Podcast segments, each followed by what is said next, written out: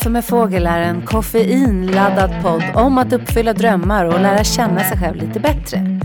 Jag som har den här podden heter Anna Fågel och jobbar som coach, mindfulnessinstruktör, sångerska och producent. Och jag är sjukt nyfiken på hur vi människor fungerar.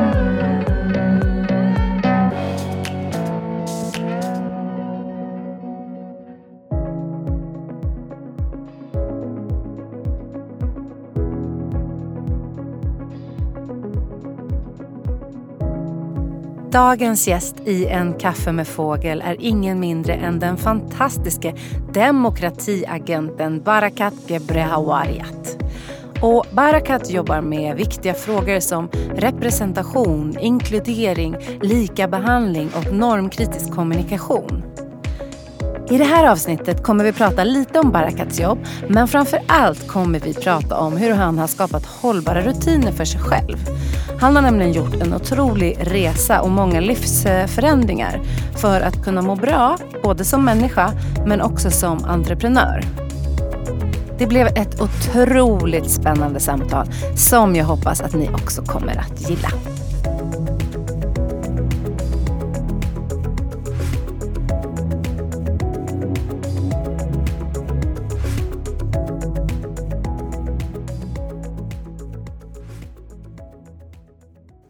Så, då säger jag hej och välkommen till min gäst Barakat Gebrawariat. Hej!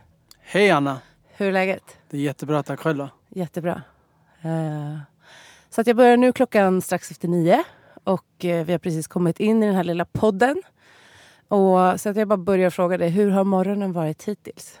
Morgonen har varit ovanligt hekt hektisk faktiskt. Jaså? Jag brukar ha väldigt lugna morgnar. Jag brukar vara medvetet försöka ha jättelugna så här, onboarding Ja. till livet liksom. Ja. Men idag så eh, hade jag en liten så här, misskommunikation med en kund typ. Okej. Så vi blev tvungna att lösa det. Det var inte så här jätteakut, jättehetsigt men lite småstressigt blev det. okej. Därför jag var lite sen också. Ja, men det är ingen fara.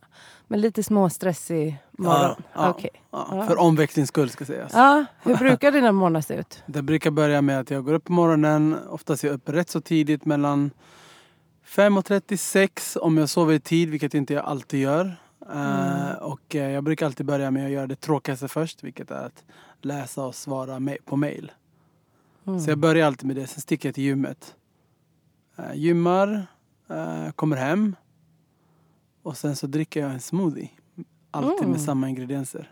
Och berätta, vad, vad är det i Barakats magiska smoothie? God men ospektakulär. Det är eh, choklad eh, proteinpulver. Okej, vad gott. Eh, sen är det cashewmjölk.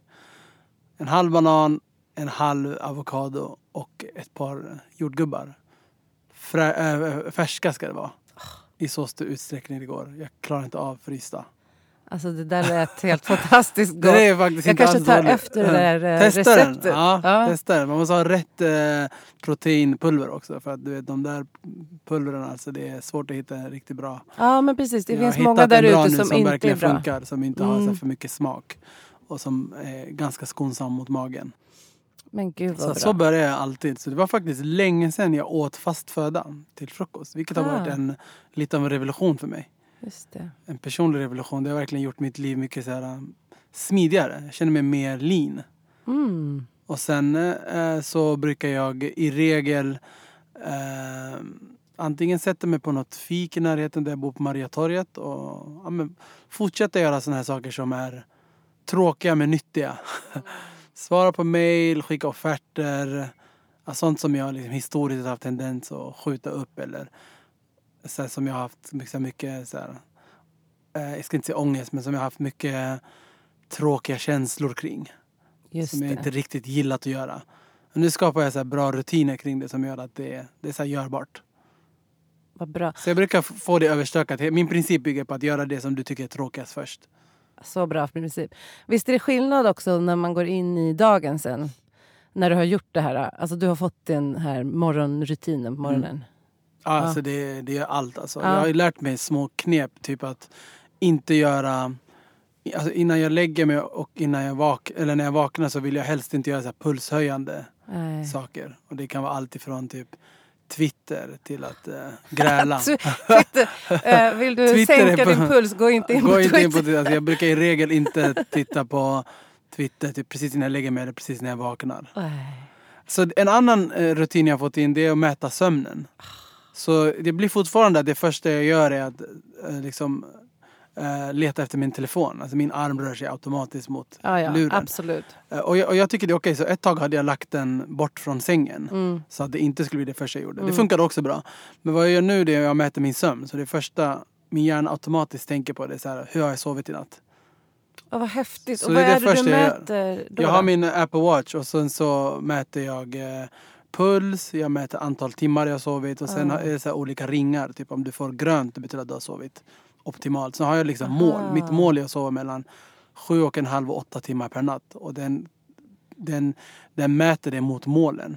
Ah. Den tittar även på djupsömn till exempel. Mm. Så det är en massa, så jag håller precis på att grotta ner mig i, i så här sömn, så här sömn på mer så här, på ett fördjupat plan.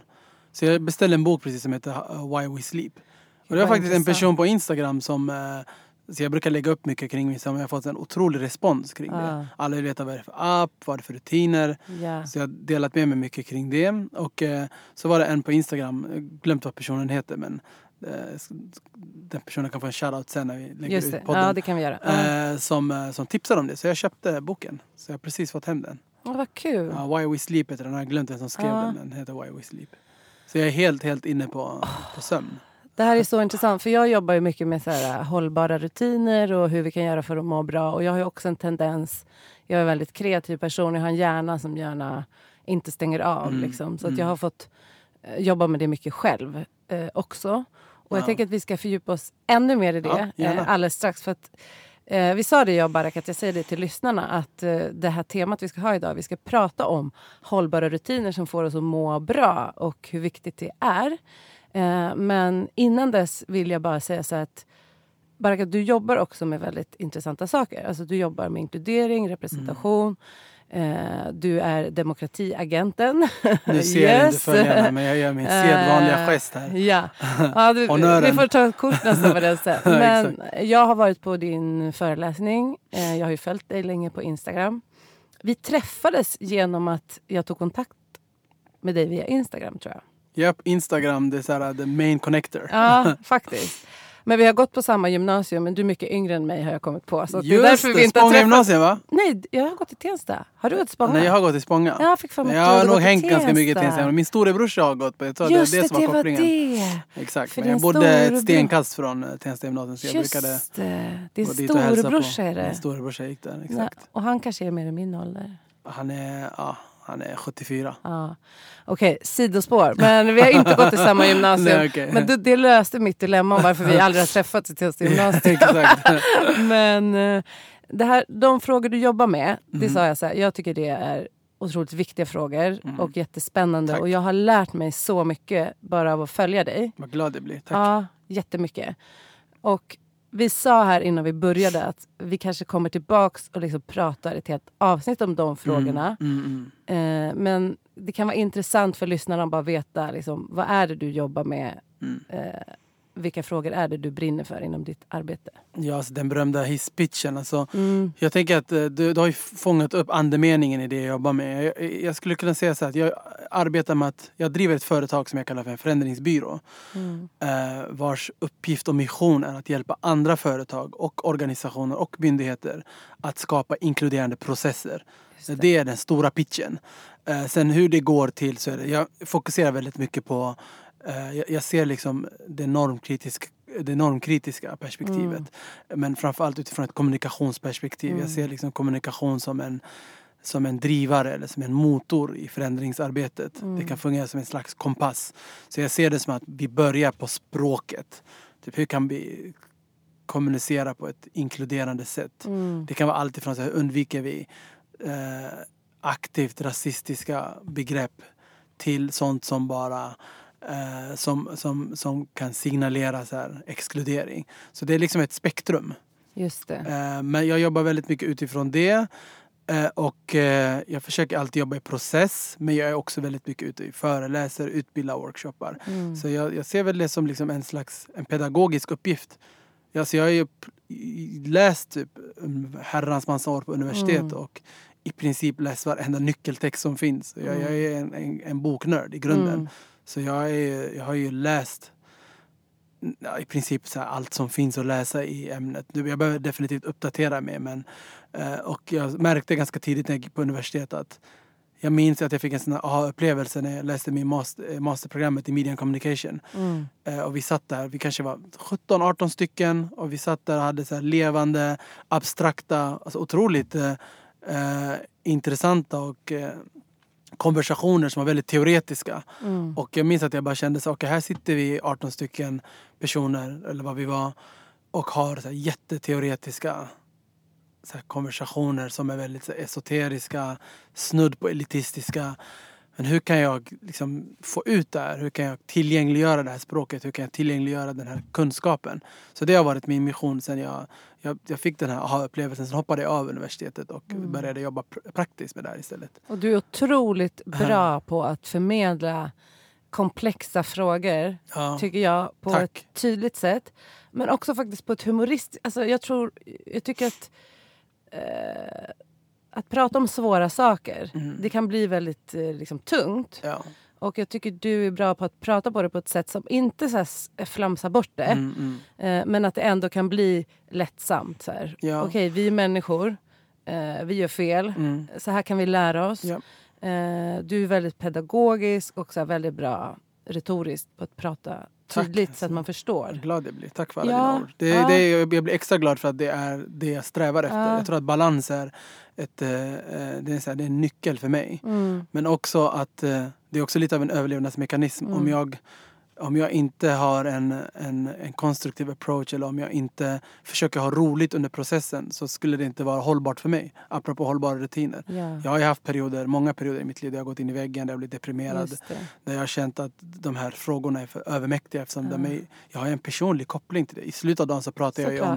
Eh, alltså, det, det- är en sak att prata om abstrakt, om inkluderande processer. Men i Mm. dagen så pratar jag om, om makt, om diskriminering, Mm. om privilegier, om rasism, Mm. om, om vithet, om eh, saker som har så här, politiskt explosiva ämnen. Mm. Och eh, det gäller att ta hand om sig själv. Det här gäller alla, i princip alla människor som är alltifrån aktivister till, till, till eh, företagsledare som arbetar med, med inkludering. Eh, kan vittna om hur svårt det kan vara att, att hålla sig Ja, men att, vara, att må bra i processen. Jag brukar alltid säga att du måste må bra för att göra bra. Så för mig är det viktigt. Sen är det många som frågar mig så här, hur, hur blir man en föreläsare? Och då brukar jag säga så här, ja, jag vet inte hur man, hur man blir en föreläsare. För jag ser inte det som att jag är en föreläsare utan jag ser det mer som att jag föreläser. Och jag tar alla, alla plattformar som, som står till bud till att sprida mitt budskap. Allt ifrån poddar till scen. Mm. Men jag brukar säga att du, du måste vara dig själv. Det gäller i livet generellt. Det är så här, jag är en, Ja. en, ganska, jag är en skojig och rätt så tramsig person. Mm. Och det, det, smitt, alltså det syns på scen för att jag försöker vara mig själv. Mm. Men jag tror att eftersom jag jobbar med komplexa och seriösa frågor så kanske det finns en förväntan att det också ska vara mer rigoröst och mer strikt kring det. Jag tror att det är viktigt att du alltid eh, strävar efter att vara så mycket så autentisk som möjligt. Och jag är en, i grunden en tramsig person. Du har ju träffat mig många privat. Det är inte så att jag är så här, hallå, nu ska vi... Jag är, det är liksom sån jag är. Så Ja. jag, brukar alltid, jag brukar tänka på det varje gång. Att när jag är ute så, så vill jag spegla min personlighet. Ja, jag tycker det är jätteviktigt och jättefint. Jag pratade med en vän om det här om dagen faktiskt. Just så här att kunna vara sig själv oavsett ämne. Jag föreläser en del om stress till exempel. Ja, det är också exakt, ett ganska herregud. tungt Ja. ämne. Stress och utmattning. Och jag har också varit där. Så det kan också vara eh, triggande för mig Mm. om jag gör det på liksom, fel sätt. Jag måste också ta hand om mig själv. Exakt. Eh, men jag hade i början när jag skulle ut på företag så tänkte jag lite så här. Och nu måste jag typ skärpa till mig. Jag får inte vara så här eh, flamsig och kreativ. Mm. Och sen tänkte jag att jo, jag måste vara det. Mm. Jag måste vara mig själv. Sen, Det finns en skillnad att vara liksom flamsig, lite småflamsig eller vara oseriös. Mm. Men Men jag, jag, jag tycker det är så bra du ser det. bra balans. Liksom. Det är det jag alltid varit rädd, Mm. för, rädd för tidigare. Att, Mm. att just inte hamna i det flamsiga facket. Mm. Men det är också viktigt för en själv att tro på, på, si, sin, alltså, tro på sitt, sitt grundjag och Ja. tro på sitt sätt att kommunicera, sitt sätt att interagera med människor. För, för mig skulle det inte funka om jag, om jag var på ett annat sätt än vad jag är. Men det, jag har alltid varit brydd och ja, ibland också nervös och haft ångest kring att det, Ja. det får inte bli för flamsigt. Ja. Men eh, jag blir glad. De flesta som, som, som jag pratar med säger liksom att okay, du fick, det, det är aldrig att jag känner att jag kompromissar bort eh, mina värderingar eller Nej. min integritet eller det som jag faktiskt vill få sagt. Du har ju varit mina föreläsningar och du vet att vi kommer adressera tuffa frågor. ja. Det är inte på något sätt att stryka medhårs utan vi kommer att prata om Yes. Dina privilegier, vi kommer Ja. prata om mina privilegier. och Vi Visst. kommer utmana varandra och jag kommer vara en, vad jag ser mig själv som en critical friend.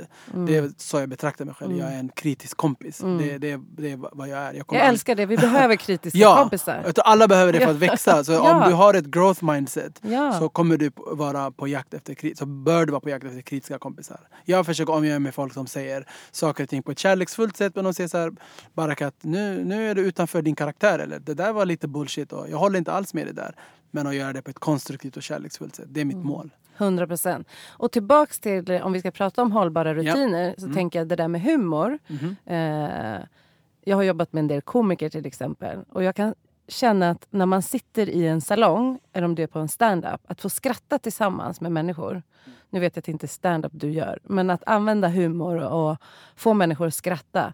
Det är också någonting som eh, jag tycker it liksom brings people together. Alltså, 100% ja. Eh, så det är inte att underskatta när vi vill skapa förändring. Jag håller med. Och att ha som en eh, hållbar vana i sitt eget liv. Ja, 100%. Liksom. Ingen vill ha Glädjen. tråkigt liksom. Och det, är så här, det finns få situationer som motiverar den här seriösa tonen som vi många gånger har. Du Ja. går in i ett möte och det är så här gravallvarligt. Så man är så här, det är så här, vi ska typ, det är ingenting, det är ett möte. Ja, Så det är också viktigt att ha perspektiv på tillvaron. Jag tror vi Ja. ibland glömmer bort det. Vi hamnar i, i ja, men vi har väl en idé om att så här, nu är det seriöst. Nu ska, Nu ska vi jag klä ut mig till vuxen. Ja, ja, ja. Jag försöker alltid ha med mig så här, lekfullhet Ja. i vart jag än, vart jag än rör mig. För mig, för mig liksom är det viktigt att jag alltid har roligt. För det är en, det är en, det är en drivkraft för mig och känna att det är kul. Alltså, jag får ju också nypa mig själv eh, och eh, typ idag, min dag ser ut som så. Först ska jag komma och träffa dig Mm. och prata podd om livet. Mm. Alltså, det, är, Mm. det är smått fantastiskt. Mm. Sen ska jag hem och äta matlåda. det, är inte, det är inte lika fantastiskt men det är hälsosamt. Ja. Och sen ska jag gå och träffa en kund och vi ska, vi ska eh, ta ett gemensamt pressfoto för att kommunicera ut vårt, eh, vårt arbete. Så det, jag har ett, ett väldigt ro, jag har förutsättningar för att ha roligt. Exakt. Men under många år så tänkte inte jag på det. För jag var så inne i min stressbubbla och saker skulle göras och det var som att jag levde i en kalender. Mm. Där saker och ting bara skulle bockas av. Så jag glömde, eh, jag glömde att njuta. Jag glömde att njuta av processen. Jag glömde att eh, ha roligt på, på resan under många år. Alltså, som jag kände ändå. Så nu försöker jag också kompensera de, de här missade åren. För jag minns att när jag jobbade med Revolution Poetry då var det ganska mycket stress och vi jobbade ideellt. Det var liksom många faktorer som bjöd in stress. Och jag minns att en, en god vän till mig, Rojda Sekers heter hon. Hon har Mm. by the way gjort den här filmen En komikers uppväxt. ja, just det. Jag Hon har regisserat det. så. En, shoutout till, en stor shoutout till henne. Hon är Verkligen. en geni och en väldigt, väldigt god vän. Men jag minns att en gång efter en, en, en, ett event som vi gjorde på Revolution Poetry så gav hon mig och min kollega en ros. Och så sa hon så här, ni två, ni måste njuta av processen. Eh, ni är hela tiden uppstressade. Hon sa det på scen framför alla. Hon bara, jag skulle Jaha. verkligen vilja så här, att, att ni börjar njuta av så här, eh, så här, frukten av ert arbete. Hon bara, eh, så här har ni en ros, vi fick varsin ros. Hon bara så här, njut och gå på terapi sa hon. framför alla. Och det var en sån, eh, det var en sån, det var en sån eh, halleluja moment för mig. Så jag var Wow. så här, jag, det bara så här sjönk in när hon sa det. Mm. Och så har jag liksom haft med mig det. Så, så jag tror att det var nog en, en, en lite av en så ögonöppnande stund för mig. Vilken Och jag- grej. Att Ja, och I samband mening... med det så hade jag liksom börjat utforska terapi. Mm. Och eh, börjat gå lite, lite här och där. Jag, hade inte, jag var inte 100% mottaglig. Och inte 100% mogen och redo för Mm. så här, det KBT som jag skulle gå på. Men efter det var jag så okej, hon, har, hon har rätt. Just Och det. det här var några år sedan. Ja. Så det, För det, visst har du också varit utmattad Ja, några gånger? Ja, ja, Ja. absolut. Både utmattad, utbränd. Jag har, varit, eh, jag har fått diagnosen depression. Ja. Så jag, liksom, jag har gjort den här resan, den processen. Liksom. Mm. Så det, det är alltid en reminder för mig. Att här, jag vet att mycket är i huvudet. Jag vet att mycket har att göra med eh, att, att, eh, att bygga, alltså designa ditt liv så att det är optimalt för dig. Det är egentligen det jag försöker göra. Det handlar om att designa, designa mitt liv. Mm. Vad fint att hon sa det, Ja, att det hon såg det. För, att, Ja. för mig var det min mamma som sagt till mig, du vet Anna du måste ta pauser. Ja. Du måste... Och jag bara, nej, nej. Liksom att, eh, ibland ser man inte själv eh, hur du liksom rusar genom livet. Mm. ja, det är sant.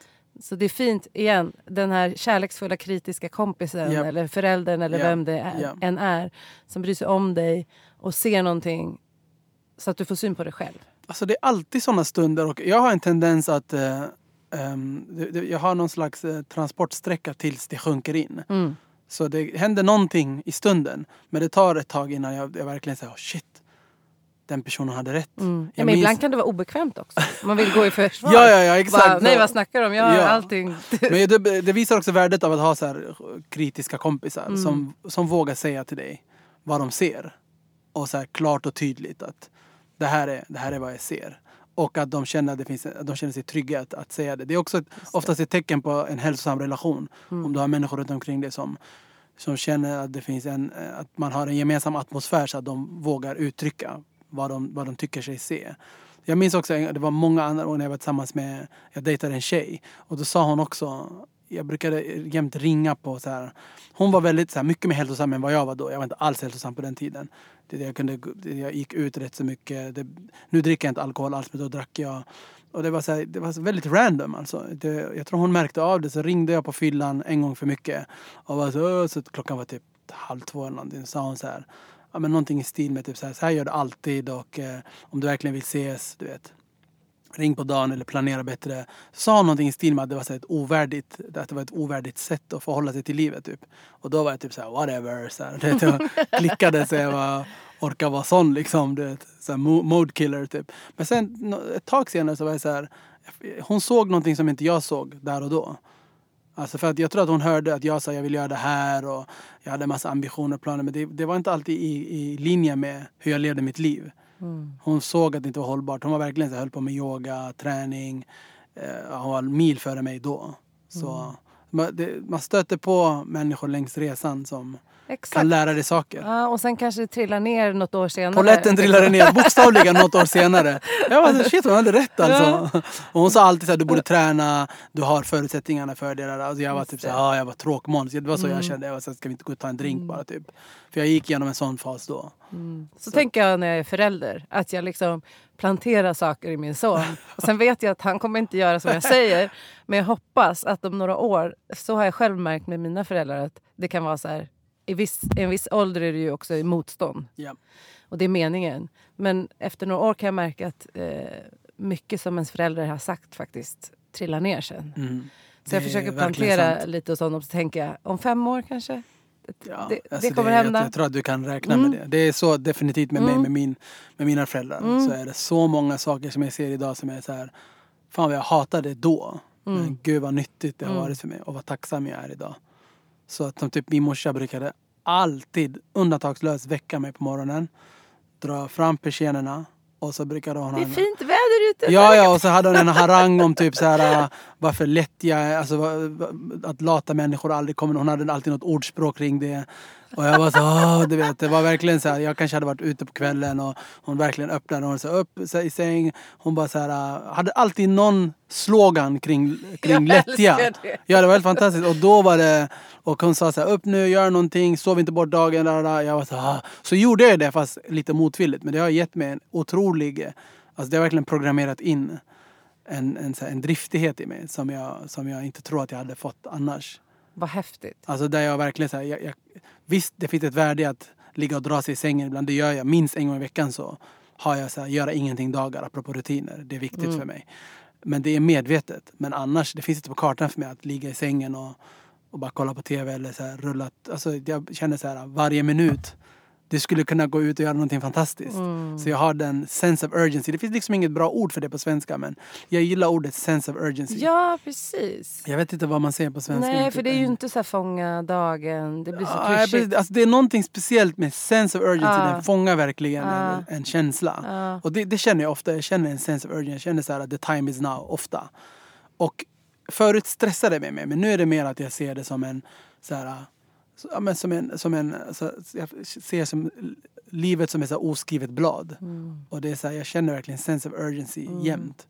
Men det kan också vara precis att man kan ha mål och så kan man vara alltid i framtiden i målen. Och Absolut. det, då kan det skapa stress. 100 procent. Men du kan ju också ha mål och en strävan och så kan du vara eh, här och nu Mm. Ja. medan du går dit och du kan vara lite mer öppen till saker som bara händer. Precis. För jag upplever om man är väldigt stressad då är det också som att du har skygglappar eh, mot eh, det som händer här och nu. Verkligen. Det kommer någon här här, och- som man börjar prata med. Eller vet, du tittar upp från telefonen så kanske du eh, får ett nytt härligt möte. Alltså att, Mm. eh, och du kan ju fortfarande vara en driven person Ja.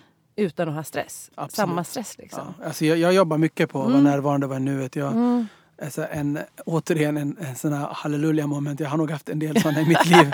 var när jag eh, motvilligt började lyssna på vad som, vad som lite slarvigt kallas för självhjälpsböcker. Eh, så jag har alltid historiskt sett varit emot det. Mm. Av någon anledning så hade jag så en stark motvilja mot Pablo Coelho och Will Smith. Just det. Jag var så, "Ah, ni och era jävla klyschiga citat. Så, så jag bara, det, det hade inget med dem att göra, det hade med mig att göra. Mm. Det var den inställningen jag hade. Men sen började jag bli mer intresserad av, av ja, men, ja, men, att växa, eh, att så här, komma ur sina, sina mm, negativa, neg- negativa beteendemönster och så vidare. Så i samband med terapi, terapin så kom jag i kontakt med så här, mycket så här, psykologisk litteratur. Eh, och eh, så började jag lyssna på en, på en bok eh, som heter, den heter If you are so smart, why aren't you happy? Bra titel. Ja, det är en fantastisk titel och jag var så här, det, det kändes som en sån här självhjälpsbok. Så jag var så här, whatever, jag gick in så här, jag var väldigt negativ men jag var så här, skitsamma, jag ger den en chans. Klickade jag på den för jag kände bara att rubriken talade till mig. För jag hade såna, jag hade dels många sådana konversationer med andra människor men också med mig själv. Jag var så här, varför känner jag mig inte lycklig? Mm. Alltså, jag, jag borde vara gladare än vad jag är. Alltså, och jag är uppenbarligen smart. Jag ser mig själv som en smart person. Eh, och jag hade så här flera konversationer om det med andra människor och internt. Så det kändes verkligen som den där rubriken det kändes som att den var skriven till mig. Jag var så här, Åh! Och så satt jag i en... Jag stod i köket, jag har ett ganska litet kök. Och jag älskar att diska. Det är helt folk blir alltid chockade. Jag älskar att diska och tvätta kläder. Ja. Eh, Så medan jag diskar så, så jag associerar det med någonting roligt för att jag lyssnar alltid på en podd eller på en bok. Eh, Och eh, så lyssnade jag och ju mer jag lyssnade så var jag så här wow. Det här är såna, alltså det var så här. Jag vill höra Vad var mer. det du fick reda på i Det boken? första var att jag insåg tidigt den här personen var en forskare. Mm. Och för mig som är, så en, en, från den, som är gammal akademiker eller från universitetsvärlden så det ger den någon slags kvalitetsstämpel för mig. Och då blev jag direkt så ah, mm, okej han är forskare, oh, han är psykolog, okej, han är doktor. Då blev det så, okej, så han var väldigt noggrann med att säga det här är ackumulerad forskning från de senaste x antal åren som visar vad som krävs för att en individ, en individ ska bli lycklig. Det öppnade upp mig totalt. Jag var så, okej det här är inte en, så här, det här är ingen så här, Instagram eh, Wow. Ja men precis, det är ingen wow precis. Så jag bara, så, okej då lyssnade jag. Och sen märkte jag bara mer och mer att så här, det var så mycket jag kände igen mig. Det, tre saker jag plockade upp där, det var att han berättade att för att bli lycklig behöver en individ tre saker. Man behöver känna att man har kompetens, att man gör någonting som man är duktig på. Man behöver två, ha, eh, känna autonomi. Du, vill känna, du behöver känna frihet. Behöver känna att du är fri att bestämma över ditt liv i så stor utsträckning som möjligt. Och tre, du behöver ha bra relationer till andra människor. Vet att jag älskar att du tar upp den här nu? För jag pluggar just nu den här teorin. Det. Self-determination theory Ja, heter det. ja exakt. Så, så jag bara så här... Och så var jag så okej jag är alltid inställd på att vara kritisk. Jag var så här, men det måste finnas annat. Sen hur jag än vände och vred på det tänkte jag så, okej det är de här tre arenorna som jag ser också. Sen är de komplexa och breda och, och liksom, det finns massa varianter och versioner av det här. Men jag var så här, det är de här tre arenorna. Och då märkte jag att jag jag kände att jag hade hög kompetens, att jag är jävligt duktig på det jag gör. Det har jag alltid känt. Det var inga större problem. Jag kände att jag hade rätt så hög grad av autonomi för jag driver eget. Men jag kände saker, det, det är på relationerna som jag, som jag kan bli bättre på. Jag behöver ha bättre relationer. Men- Både men- privat och jobbmässigt. Ja, både och. Men Mm. alltså överhuvudtaget att, att, eh, att arbeta på att ha bättre relationer. Att liksom sätta strålkastarna på relationsbyggande. Vad har jag för relation? Jag gjorde en inventering av mina relationer. Vad har jag för relationer just nu? Hur får de mig att må? Hur bidrar jag till, till relationens fortlevnad? Vill jag vara kvar i den? Går den att fixa? Behöver jag lämna? Så det blev, det blev en, en otrolig ögonöppnare för mig. Då började jag sakta men säkert att agera på, på just det. Och så började jag jobba väldigt mycket på eh, kultivera hälsosamma relationer. Se till att jag var en aktiv spelare i mina relationer. Att jag inte bara hade relationer som bara fanns. Som bara existerade. Jag är också en väldigt social och extrovert person. Jag jobbar väldigt mycket. Alltså jag är ute på... Jag jobbar väldigt sektoröverskridande. Jag har gjort en miljard olika saker faktiskt. Jag, jag har gjort allt ifrån skriva poesi och jobba med, med spoken word till att alltså, som jag gör idag, liksom, jobba med företagare som, företag som ibland omsätter flera hundra mm. miljoner kronor. Uh, så jag har haft en, det har gjort att jag har haft mycket, alltså det har, det har funnits en, det har varit en, vad ska man säga, en fruktbar yta för många relationer. Många relationer betyder inte att per automatik att de är alla bra.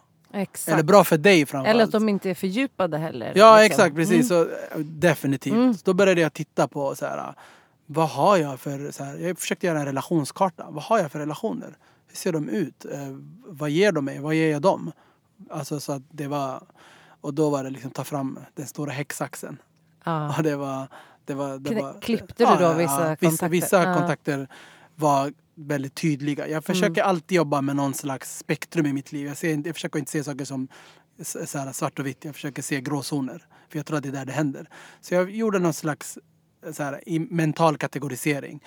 Vissa relationer, de var bara inte bra. De var inte bra för mig, de var inte bra för andra personer. Det, det, det uppstod inget, det fanns inget, mer, det fanns inget emotionellt mervärde i det.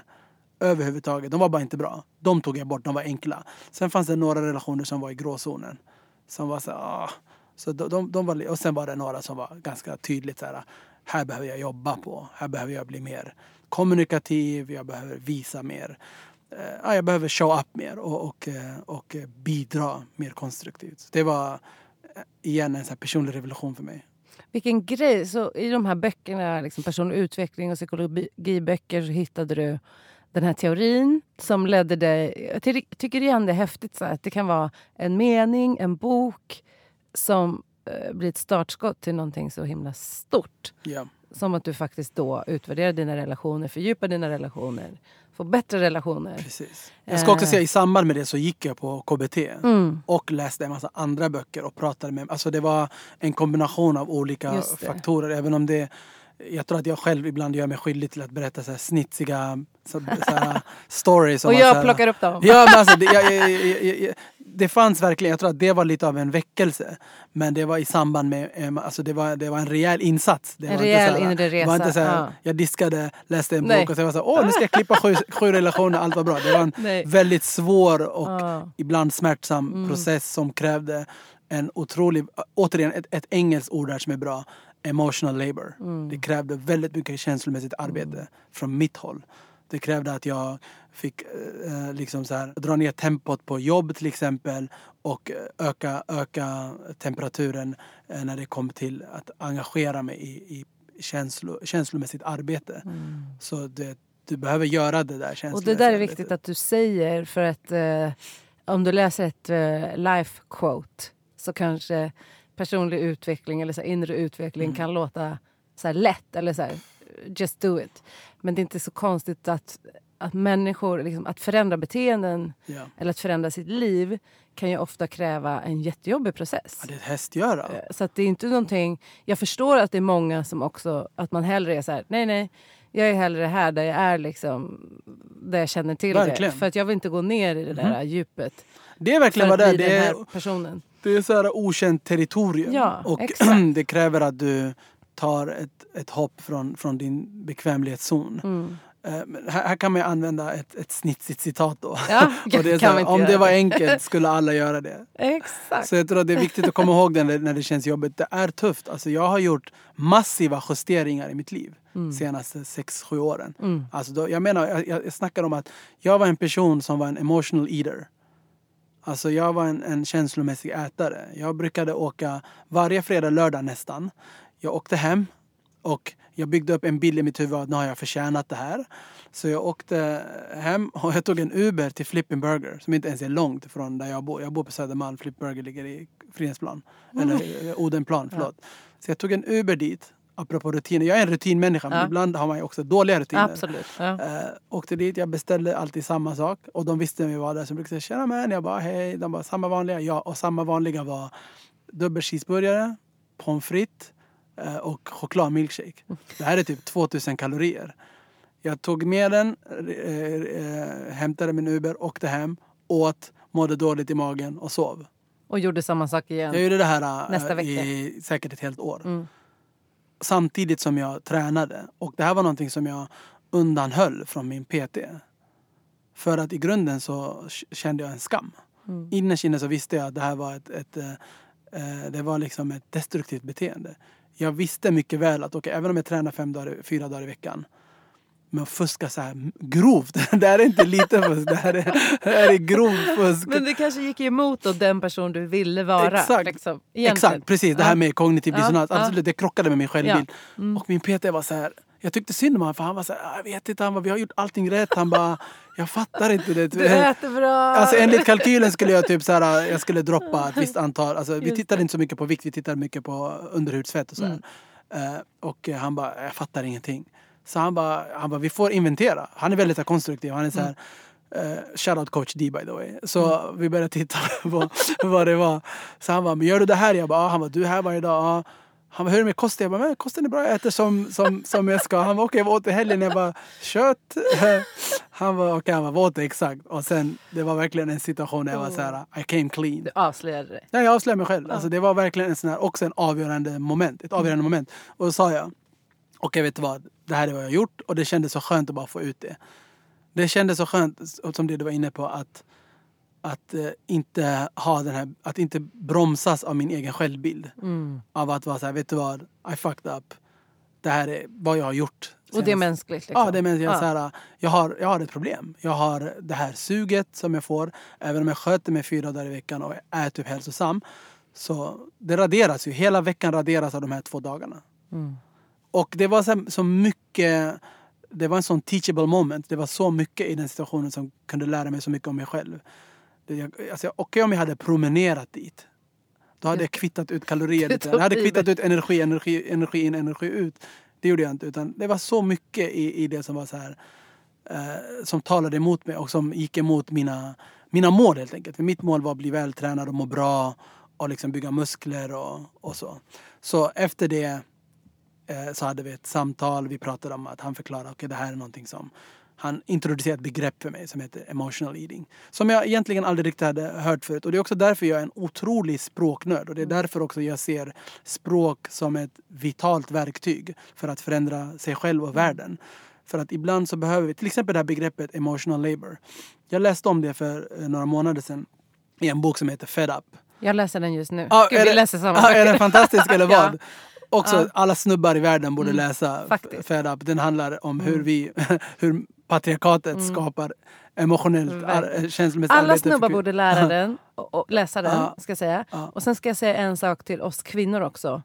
Eh, vi borde också låta männen göra lite ibland på sitt sätt. Okej. Alltså, jag säger det som kvinna. Jag tycker alla ska läsa den. Den är jätteviktig. Eh, men jag kände igen mig i henne för jag är en sån här som kan typ efter min man har bäddat sängen så kan jag gå och bädda om den.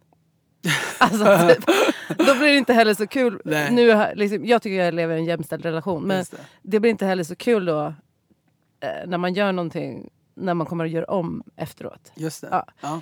Eh, men det är inte det som är huvudpoängen. Nej. Det här är en liten bisats. För det stora hela handlar om någonting helt annat. Precis, och, och, och jag läste den i samband med att jag håller på att skriva bok nu Mm. också som handlar mycket om kommunikation och språk.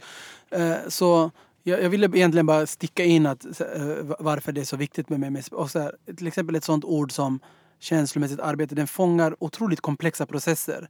Och den ger oss en insyn i, i någonting som är abstrakt och svårt att förstå.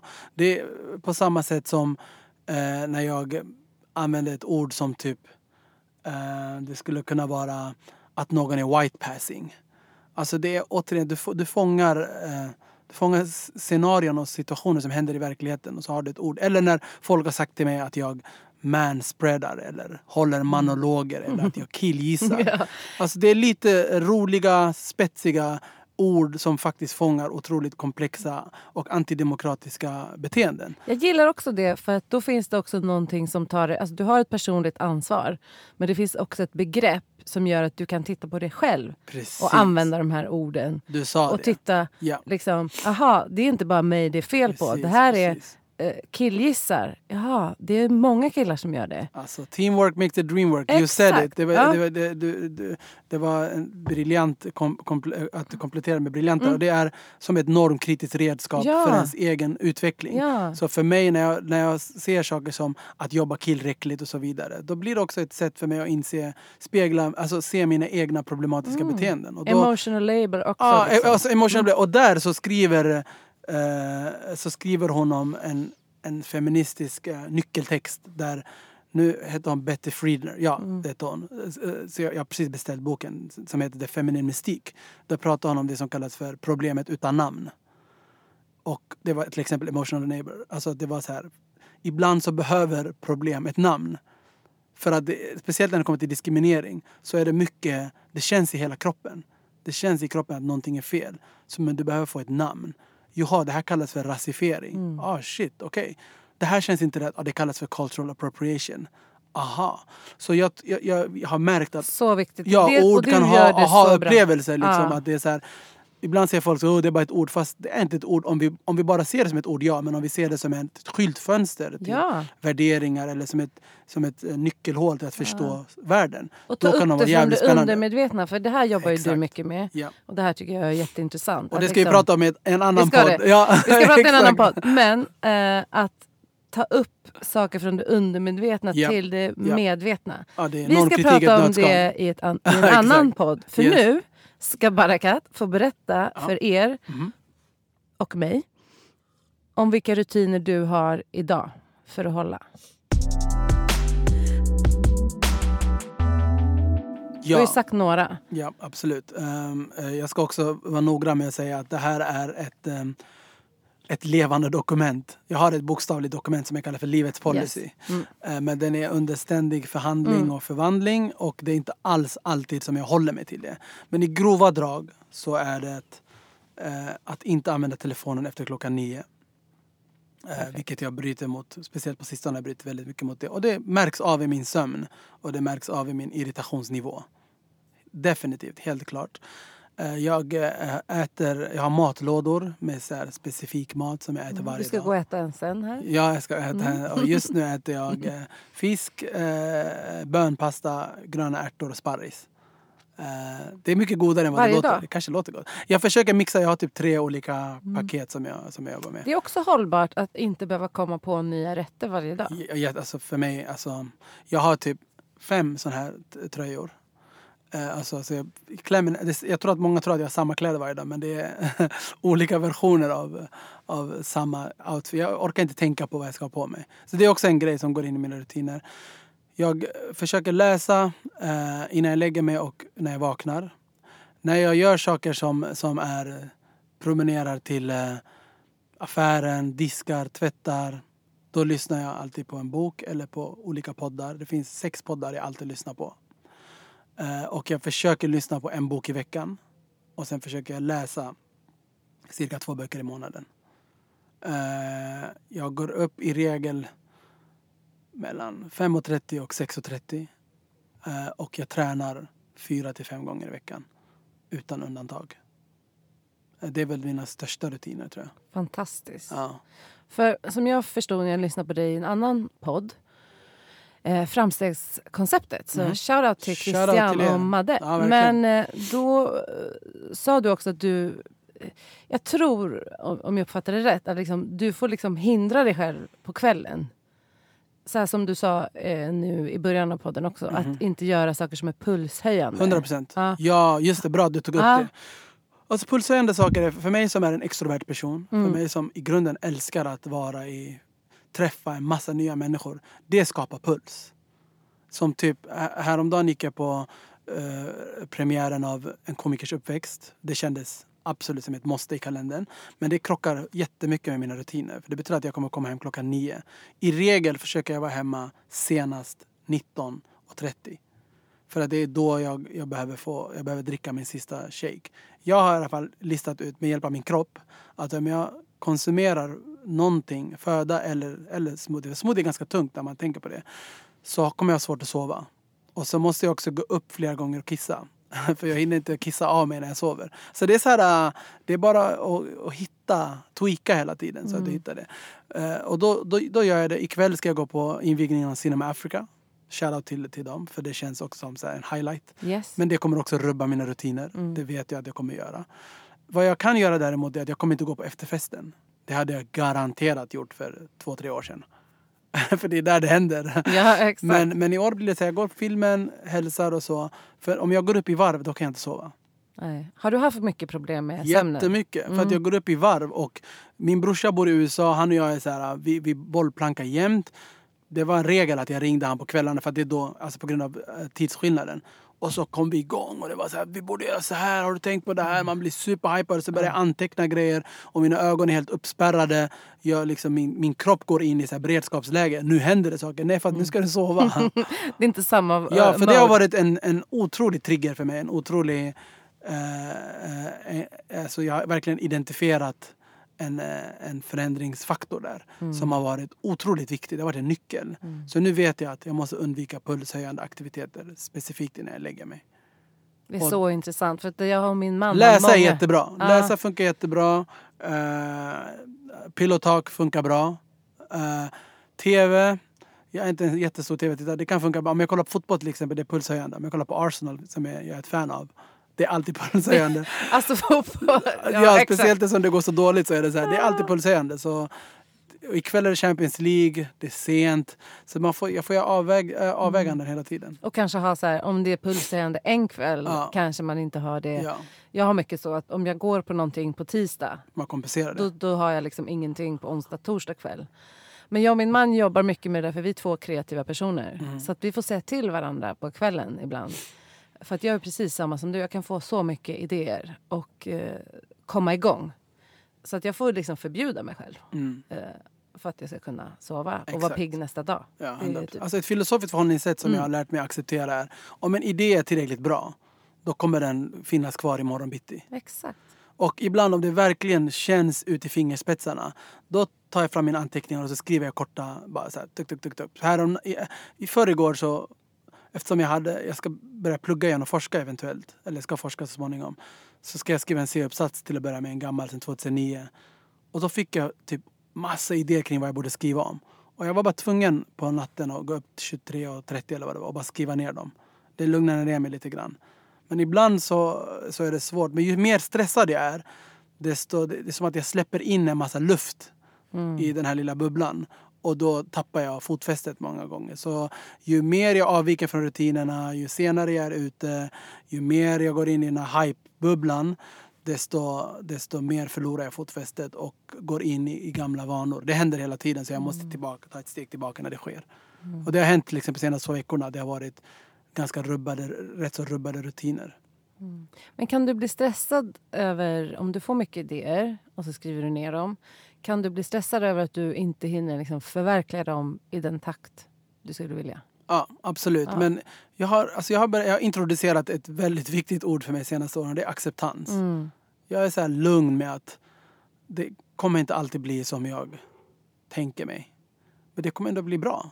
Exakt. Och det är okej. Alltså känslan av att okej och känslan och också komma bort ifrån att värdera sig själv utifrån sina prestationer. Eh, det här har jag fått jobba med väldigt intensivt i många, många år. För det, det är som barnsben. Det är liksom en del av min DNA, min personlighet. Så det, jag jobbar med att saker och ting, det är okej om jag inte hinner i år. Det är okej om jag inte hinner den här veckan. Det finns så mycket jag vill göra. Så erfarenheten har också lärt mig att när ska man vara rationell och tänka så här, det här kommer inte gå. Igår till exempel satt jag och pratade med en kollega, vi brukar samarbeta i projekt. Så hade vi ett ärligt och så här, naket samtal med varandra. Vi var så här, vi vill det här men kommer vi verkligen att hinna? Kan vi investera den energi och den tid som krävs? Och vi var så här, vi kom fram till att nej. Så vi hörde av oss till en kund och så tackade vi nej till ett uppdrag. Alltså, det hade jag aldrig gjort för några år sedan. Att tacka nej fanns inte i min vokabulär. Nu är, Så det, bra att man nu är det en av mina favoritsysslor. Samma nej tack! tack men nej tack. Nej. Men jag tror No. att det, det, det där... På olika språk också. Ja. La. No, no, no, no. Nej tack. no. Nej, men det är viktigt. Jag tror att om man är eh, en visionär och kreativ person så kanske du också har, kan man ha lite av det här förhållningssättet. Att typ, allting är möjligt, jag kan Ja. göra allt. Ja, Eh, då är det ganska nyttigt att få syn på såna här saker. Nu pratar jag till mig själv. absolut. Att aha, det finns begränsat med tid. Eh, det finns eh, begränsat med energi. Det finns begränsat med eh, resurser. Och som du säger, komma in i acceptansen att så här, nej, det är inte möjligt för mig att vara hållbar och driva tre företag Ja, till exempel. Absolut. Jag har ju lagt ner ett företag Mm. för att jag kan se en bild av mig själv som den här personen som har allt det här på gång och gör alla saker. Mm. Eh, men i verkligheten så ser det ut på ett helt annat sätt. Absolut. Vi behöver sova, vi behöver vila. Eh, vi har bara ett visst antal... Tänk så här, hur många produktiva timmar har man på en Mm. dag egentligen? Liksom? Verkligen. Grejen är, ingenting är roligt när du är stressad. Nej. Du kan ha världens roligaste jobb. Ja. Du kan ha världens roligaste liv. Du kan ha världens roligaste relation. Alltså, jag brukar säga det, för mig är det så viktigt att jag vill inte bli den här personen som är, lyck- som är så lyckad men inte lycklig. Alltså jag har levt så förut. Jag har levt många år där folk har varit så här, oh shit det går bra för dig. Och jag får så implicita förväntningar på att jag borde vara glad, jag borde vara lycklig. Och det skapade också, så ironiskt nog så började jag må dåligt för att jag mådde dåligt typ. Och, jag började känna så här eh, implicit, det här var inget som var så in your face utan folk vill allt, och de allra flesta vill väl. Och jag var så ah shit jag såg det på Instagram, fan vad fett, vad roligt, så här, det går bra för dig, fan vad kul, vad stort. Och jag var så här internt så var jag inte alls, det var, fanns perioder när jag inte alls hade samma respons till det. Jag var så här, jag kände inte alls av att det var roligt. Fast jag borde och jag var ju den som var eh, huvudsakligt ansvarig eftersom jag spred, kablade ut de här bilderna av liksom grinda, göra sin grej. Där, där. Och det kändes rätt då men jag har liksom också reviderat min uppfattning kring det. Jag tycker att det är viktigt att inte romantisera grind. Alltså, Exakt. jag, jag ska Mm. säga så här, för mig som ändå med mina förutsättningar som liksom kommer från en arbetarklassbakgrund, som är svart, som är rasifierad, som icke-vit, hela den här grejen. Jag har fått jobba, jag får fortfarande jobba hårdare än många andra. Men, och det är ingenting som jag vill så här romantisera utan att problematisera. Men det är också ett faktum. Det är också viktigt för mig att hitta en bra balans i att för målgrupper som kan representera sig i mina erfarenheter, spegla sig i mig, så är det viktigt att kabla ut ett budskap av att lite så här, så här är det, men samtidigt. Jag vill få med det här samtidigt. Men och, men glöm inte. Jag vill kunna eh, berätta en balanserad berättelse. Det är väldigt viktigt för mig. Så, men jag försöker vara väldigt noggrann nu med att, och jag har också fått så här, synpunkter och feedback på Instagram och Facebook där folk har sagt så här, ja, men har gett mig eh, ja, men utmanat mig kring att... Och då har jag varit så här, vet ni vad, jag hör er. Jag vill verkligen inte bidra till att folk blir utbrända. Jag vill, jag vill ge en realistisk bild av, av världen. Och det är att vi behöver sova. Häromdagen när jag berättade om, när jag la upp hur mycket jag sover och det, jag fick sån otrolig feedback. Jag förstår Och det. folk var så här, shit vad, bra, vad glad vi är att en sån person som du med din plattform berättar att det, och att det är viktigt att sova. jag Jag, var, du... ja, jag, var, jag har själv varit lurad och trott att jag överlever på fyra timmar, fem Mm. timmar. Det där är inte hållbart. Det är det inte för någon. Det är bara en myt. Det är och jag vill få människor som klarar myten. sig på så lite Jag är mycket mer produktiv Mm. nu. Jag hinner med mycket mer. Och jag har mycket mer eh, fritid. Du har säkert roligare också. Mycket roligare. Ja. Och jag hinner med mer. Jag omsätter mer. Eh, Jag är gladare. Jag sover bättre. Jag är mer vältränad. Eh, Jag har en bättre hållning. Eh, Nu jag- sträckte vi på oss. Ja, Båda exakt. två. Ja, ja. Alltså, allt är bättre och jag Mm. sover mer. Och jag hinner mer. My, alltså mycket, mycket mer. Mm. Men mycket, det där budskapet är jätteviktigt. Att det är ju liksom inget fel att ha ambitioner och vilja sträva. Men om det är så här, du ska nå ditt... Det finns en sak som jag eh, har reflekterat över mycket. Det är att man säger så här. Om du är egenföretagare, då jobbar du dygnet runt. Mm. Om du är egenföretagare, då har du ingen semester. Du jobbar alltid. Exakt. Eh, Alltså jag ska lämna fältet fritt för individuella val där. Eh, jag är så här, det är upp till dig. Om, du, om, själv. om, om du menar att det är så här du Mm. prioriterar, Mm. Om, så här, that's fine. mm. Men det är inte den inte i- enda sanningen. Ja, precis. Jag, jag, jag, jag är väldigt noggrann med att säga så här, min resa är Exakt. inte din resa. Jätteviktigt. För mig är det viktigt att alltid poängtera Mm. det. Men ehm, eh, jag tycker också att det är viktigt att erbjuda ett alternativ till Mm. den här, det, alltså det, det har blivit nästan mytomspunnet Ja. om entreprenören som Ja. aldrig sover. Eh, och, så, och så vidare. Mm. Så jag, vill bara, jag har träffat alldeles för många entreprenöriella människor i min omgivning som har varit otroligt framgångsrika men som faktiskt inte har mått bra. Jag har varit Mm. en av dem. Vi har liksom vårt eget lilla så här, anonyma entreprenörer sällskap där, där vi faktiskt berätt, pratar med varandra och, Mm. och delar information och berättar om, om saker som vi går igenom. Och det Mm. är inte, det är inte en, en dans på rosor alla gånger. Och, och samtidigt så finns det också ett element av sanning i, i att som företagare så behöver du alltså, tillgängligare ofta. Du kanske måste ta ett mail ibland på semestern. Mm. Right? Så det, det, och det handlar också om uppoffringar. Så jag, jag vill inte heller eh, tappa bort det. Jag har gjort massa uppoffringar. Man kan nyanse- nyansera bilden. Man kan nyansera bilden. Jag har gjort många uppoffringar. Ibland ifrågasätter jag om de var värda det. Och kan bli ledsen och sorgsen av det. Men i slutändan så är jag så här, okej jag har gjort mina val. Jag är där jag är idag. Och jag är, jag är väldigt glad med, min, eh, med, med mina förutsättningar idag som jag ändå har kämpat otroligt hårt för. Så det är också viktigt att, att tänka, men nu försöker jag jag har liksom kopplat om och kodat om till att bli mer hållbar. Alltså det är som företag. Företag måste bli mer hållbara. Individer också. Exakt. Vi måste liksom gå över till en mer, till en mer hållbar eh, livsstil. Ja. Men i allt det här så finns det väldigt mycket nyanser. Och, Och vissa kanske mår bra av att jobba jättemycket. Ja. Det, det vill jag också säga. Alltså, jag tror att de flesta människor behöver återhämtning. Men eh, där är vi också olika vilken Absolut. ork och kapacitet så är det vi har. vad vi har Liksom. för smärtgränser. Ja. Sen behöver du, jag skulle rekommendera att man utmanar sig själv också. Om du älskar att jobba så mycket, du kanske är en workaholic. Jag Ja, vet att jag var verkligen. det. Jag vet, Ja, att jag, jag jag vet att jag under många år, och till denna dag så har jag det här syndromet, Mm. försökte lösa allt med jobb. Jobb blev en eskapism. Att jobba blev ett sätt att undvika att bearbeta smärtsamma minnen. Eh, Att jobba blev ett sätt att und- alltså det är ett undvikande beteende. Och det är tack vare min terapi som jag har kunnat landa i den slutsatsen. Mm. Så jag tror att det finns ett värde i att ifrågasätta sig själv. Att så här, Det kan finnas en flykt i att Ja, jobba hela eh, tiden. Absolut. liksom. Om det är så att du älskar ditt jobb. Jag älskar, alltså jag älskar det. Jag gör så pass mycket att jag måste hindra mig själv. Mm. Att vara så här, vet ni vad? Den här panelen låter otroligt rolig. Och jag är så frestad att tacka ja. Men det rubbar mina rutiner. Exakt. Så gå tillbaka till Du min... kan bli utbränd på Ja. roliga saker. Just det, det där är dag, dagens citat. Morgonens citat. Exakt. För kroppen känner ingen skillnad på rolig stress och, och tråkig stress. Nej, Alltså, Jag vet. den känner bara att den är stressad. ja exakt. Och den Och ser ifrån. Den, går, och den ser ifrån på alla Mm. sätt. Så jag, för mig har det varit väldigt viktigt med prioriteringar. Eh, som du sa innan, inse att dygnet har bara så många timmar. Och att eh, tacka nej. Lära mig Mm. att tacka nej till saker som inte är i linje med mitt syfte.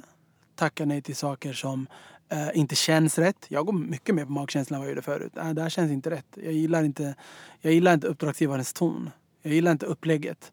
Eh, det känns inte bra. Nej tack. Du, ska inte alltid, du behöver inte alltid motivera heller. Du kan bara säga nej tack. Jag vet att många hamnar i... Vi har, vi har en kult, alltså människor har i regel svårt att säga nej. Finns en massa Utan psykologisk, en lång, lång, psykologisk lång, forskning. lång, lång ja, förklaring. precis. Nej, men eh, det vore kul att kanske ta en fika någon gång. Nej, du ljuger! Kanske bara nej någon och- gång i framtiden. jag föredrar någon rak och ärlig och säga Mm. nej jag vill inte träffa dig. Det är bättre. Det kanske gör ont i stunden. Mm. Men det är mycket värre än så här, ha, öppna upp så falska löp, eh, löpvägar som Men aldrig kan du säga så? Jag vill Ja, alltså jag försöker att vara så rak och tydlig som Mm. möjligt. Det betyder inte att jag är så burdus och otrevlig. Nej, det är svårt att säga. Återigen, jag försöker hitta en bra balans. Men jag Mm. försöker vara väldigt tydlig med om det är ett nej. Då är det ett nej. För du vill inte lämna en, eh, en, en, en dörr öppen som du aldrig tänker öppna. Mm. Det, det är ännu sämre stil. Det jag. det är oschysst tycker jag. Ja. Eh, men också lära sig säga nej, men också lära sig ta ett nej. Det där går hand i hand. Mm. Jag har blivit mycket mer eh, filosofiskt inställd till när någon säger nej till mig. Det har jag med. Jag är respekterar det så ja, mycket. mycket mindre lättkränkt än vad jag var Mm, förut. mm, Jag kan skicka ett DM där jag säger hej jag har en fantastisk talkshow och de säger nej tack. Då blir jag såhär, vet du vad? I hear you. Eller om de inte svarar, de kanske inte hinner. De kanske, Jag tycker att också. de, kanske, de kanske tycker att jag skriver för långt. Ja. De kanske, de kanske tycker att det jag Ja. gör det ointressant. Whatever. Så jag är såhär, you know what, it's fine. Ja. Så det går hand i hand. Och, här, och acceptera att du kommer inte hinna med allt och det är helt okej. Du Varför ska du ens vilja göra allt? Varför? Så det finns många grejer att så här, borra och bottna i. Men då kan vi säga det till de som har svårt att säga nej. Att eh, här sitter två personer som respekterar väldigt mycket när folk säger nej. För jag är samma. Eftersom jag inte gillar när, när jag väl säger nej så har det varit ganska svårt att säga nej. Och då gillar inte jag när människor pushar min gräns och säger men snälla kan du inte eller sådär. Så att jag försöker att vara så mot andra. Att när någon säger så här, vet du jag kan faktiskt inte komma på din fest för att jag måste verkligen vila idag.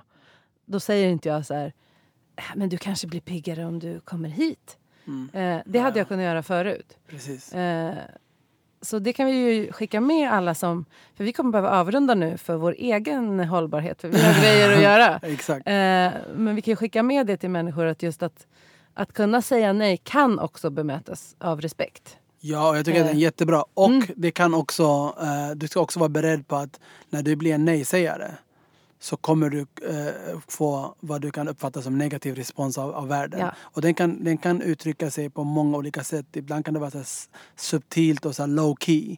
Där till exempel någon säger så här, men du kanske blir pigg om du kommer. Och då är det så här, då är det ditt individuella ansvar att ge ett väldigt tydligt men trevligt nej. Exakt. Jag jobbar mycket med tydliga och trevliga nej. Ja. Eh, och om du har en omvärld, en omgivning som systematiskt inte respekterar dina nej då behöver du uh, göra en inventering av dina relationer. Mycket bra. Det, det, det är mitt tips i alla fall. Att, uh, till denna dag så kan jag märka av när jag säger så här, jag måste hem. 19, oh, klockan 19.15 jag måste hem. Och jag har hört ibland så här low key negativitet. Och då har jag registrerat det och tänkt så här, mm. okej, okay, så ibland har jag uh, valt att approacha personen och säga så här, var väldigt tydlig med att för mig är det viktigt att du... Eller så har jag valt, okej, okay, då, då här är en relation som kanske kommer sippra ut. Som inte, som inte jag behöver i mitt liv helt enkelt. Så viktigt att respektera ja. andras gränser. Ja. Eh, med det kommer vi behöva avsluta för den här Nej! gången. Jag vill fortsätta prata. Ja. Jag har typ så här, vissa små trådar som jag känner så här, och det där skulle vara en timme. Ja, det där skulle vara en Då timme. Då kommer man aldrig bli klar. Better done than perfect som eh, de brukar säga. Exakt. Så att, eh, var hittar man dig Barakat? I man, sociala medier aha, om man vill följa med. Precis så man hittar mig på Sankt Pauls bageri. du hittar mig i regel på Sankt Pauls bageri. Jag dricker alltid svart te med havremjölk, ja. Earl Grey. För Barakat han får vara med i en kaffe med fågel fast han inte dricker kaffe. Jag dricker inte kaffe. Det är okay. Barakat understreck G på Instagram. yeah. Barakat Gabraharet på Facebook och LinkedIn. Mm. Så det Kul. följ med. Det är inte reklam, det är samhällsinformation. Gå och följ för det är väldigt inspirerande. Och som Tack. sagt, som jag sa, jag har lärt mig mycket av att följa dig och jag tror många tack, kan lära detsamma. sig mycket av det. Tack för att jag fick komma. Tack själv. Ja. Och tack ni som har lyssnat. Kärlek till er. Kärlek. Hej då. Tack så hemskt mycket Barakat för att du gästade podden. Och tack för ett jättefint samtal. Och eh, jag vill verkligen tipsa er om att köpa den här eller låna boken Fed Up som Gemma Hartley har skrivit. Och det kanske lät på mig som att det handlade om städning. Det gör det ju inte. Det handlar ju såklart om känslomässigt arbete. Och jag hoppas att det gick fram i alla fall när Barakat förklarade. Så det är en otroligt viktig bok om kvinnors eh, känslomässiga arbete och också om hur du kan få en mer jämställd relation. Så att jag tipsar er alla om att läsa den boken. En kaffe med fågel är inspelad, klippt och producerad av mig, Anna Fågel. Följ gärna podden på Instagram, en kaffe med fågel. Vill du komma i kontakt med mig för kurser, coaching eller andra samarbeten? Kontakta gärna mig på www.byannafogel.se anna.byannafogel.se eller gå in på Facebook med samma namn. Ha det fint! Tack för att du lyssnar. Hej då!